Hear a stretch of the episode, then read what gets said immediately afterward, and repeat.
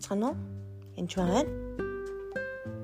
Энэ удаа та бүхэндээ хэрүүл бурдгалтай холбоотой бас нэг зүйлийг үргэлжлүүлэн ярих гэж бодсон юм.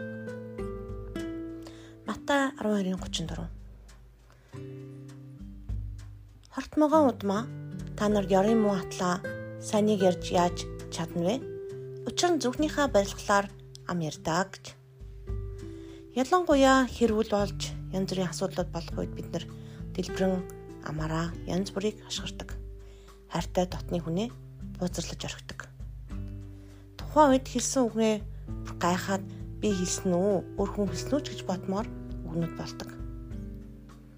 Энэ үед бас зарим тохиолдолд төр ярих тохиолдол байдаг.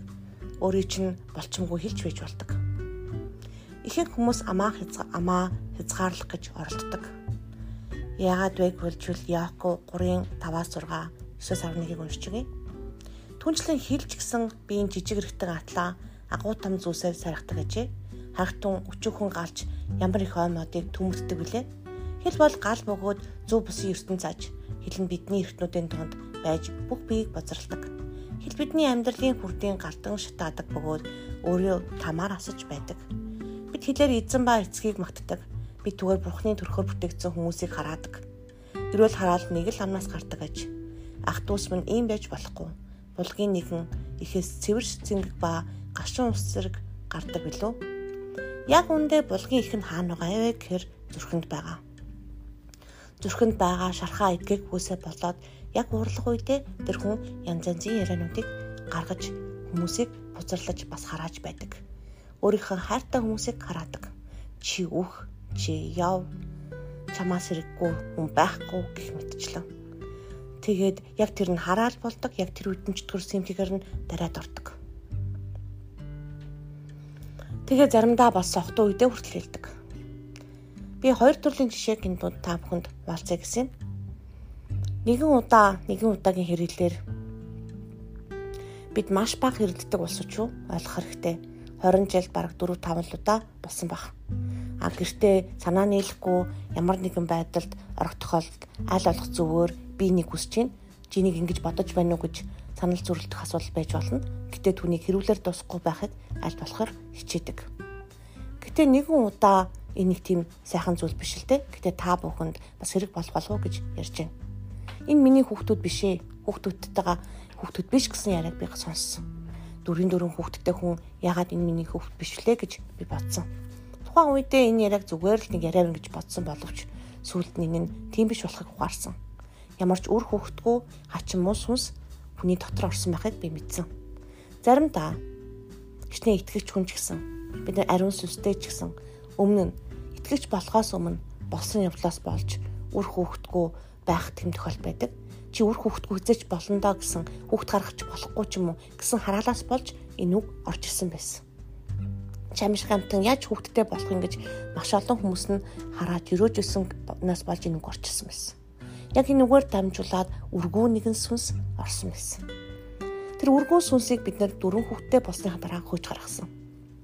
Яаж мэдсэн бэ гэхээр сүүлд нь би discernment gift буюу сүнс ялгах чадвартай болоод зөндөө удаа амьдэрсэн мөртлөө тэрийг мэдээгүй Тэгсэн мөртлөө харин нэг удаагийн үйл явдлаар миний нөхөр биш шал өөр хүн байна гэдгийг би олж авсан. Тэгэхэд хөө чи үргүү нөхөр чи зайл чи гэд гэрээс хөөсөн. Яг тэр үед миний нөхөр бүр гайхаад шүнэн бол зүүдэлсэн. Шүнэн ямар зүүд явс болсон бэ гэхээр нэгэн охин хурж ирээд дотроос нэг юм гаргах шиг болсон муу юмэг. Орноос унан зүүдлэн цэрэг миний дотроос нэг муухай юм гараа явчихлаа. Юуг нь хэлж мэдэхгүй гэж хэлсэн. Харин үнээс хойш миний нөхөр шал өөрхөн болж хүрсэн. Бидний мэддэг сонин сонин зан авирууд тэр нөхрөөс болж байсныг би олж мэдсэн. Нөгөөх нь зүрхний шархаа эдгээгөөс болж янз янзын үг хэлэх тохиол байдаг. Маш их би ганцаарддаг, аав ээж нь тоохгүй оргисон ч гэдэм үү. Янз бүрийн тэрнээс болж хүүхдүүдээ болон хайртай дотны үжлээ юм л бол салан шүү, хүүхдүүдээ аваад явна шүү гэдэг тийм яриа бас гаргадаг хүмүүсийг мэднэ ихээр тохиол шархалсан байдаг. Өөрөө орхиод хаяа явцсан гэрүүлд өссөн хүмүүс намайг энэ хүн орхиж явахаас өмнө би өөрөө явчих юм. Эсвэл энэ хүнийг айлгаж дарамтлаа ч гэдэг юм уу. Ян занзын бодлоор энэ бүхэн яригдчих байдаг. хатуу аав ээжтэй хүмүүсийн өссөн хүүхдүүд голцоо хань ижлээ болон үр хүүхдээ бас яг адилхан хатуу аргаар хүмүүжүүлэх гэж оролддог. Зүрхэнд нь байгаа шархаа эдгээгүйгээсээ болж амаараа олон яриануудыг гарч идэг. Замдаа тэр хүн өөрөө биш байдаг. Тийм учраас та хэм бэ? Яг миний чин хүсэл юу вэ гэдгийг сайн бодох хэрэгтэй.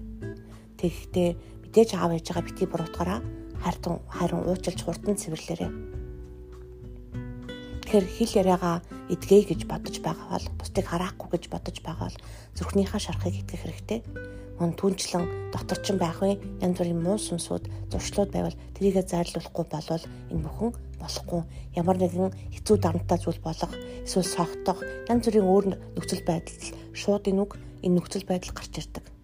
Та сүнс байна гэдгийг ялахад амархан таны нүд болон нүд өөрчлөгдөж биеийн хилэмж чинь шал өөр болж өөр хүн болж хувирж байгаа бол тэр нь сүнс гэсэн үг. Тэр тохиолдолд та та дотор манай ачаалд орж ирээрээ. Танд энэ бол амархан аялал биш. Гэхдээ боломжгүй зүйл биш. Аа муу сүнсийг хөөх нь бол итгэж бүгдэд байх ёстой хийдэг ажил. Тэгээд хийж болох уу гэж юу болно. Ажиглаараа хөр нэгсэндээ хичнээн хэрүүл муу зүйл боловч уурлах үедээ юу гэж хэлдэг вэ гэдгээ сайн ажиглаараа. Баярлаа. Баяртай. Энэ нь таны ямар зүрхэндээ ямар шархтайг таны ууралсан үгнээс таныг мэдэх боломжтой гэсэн үг. Баяртай.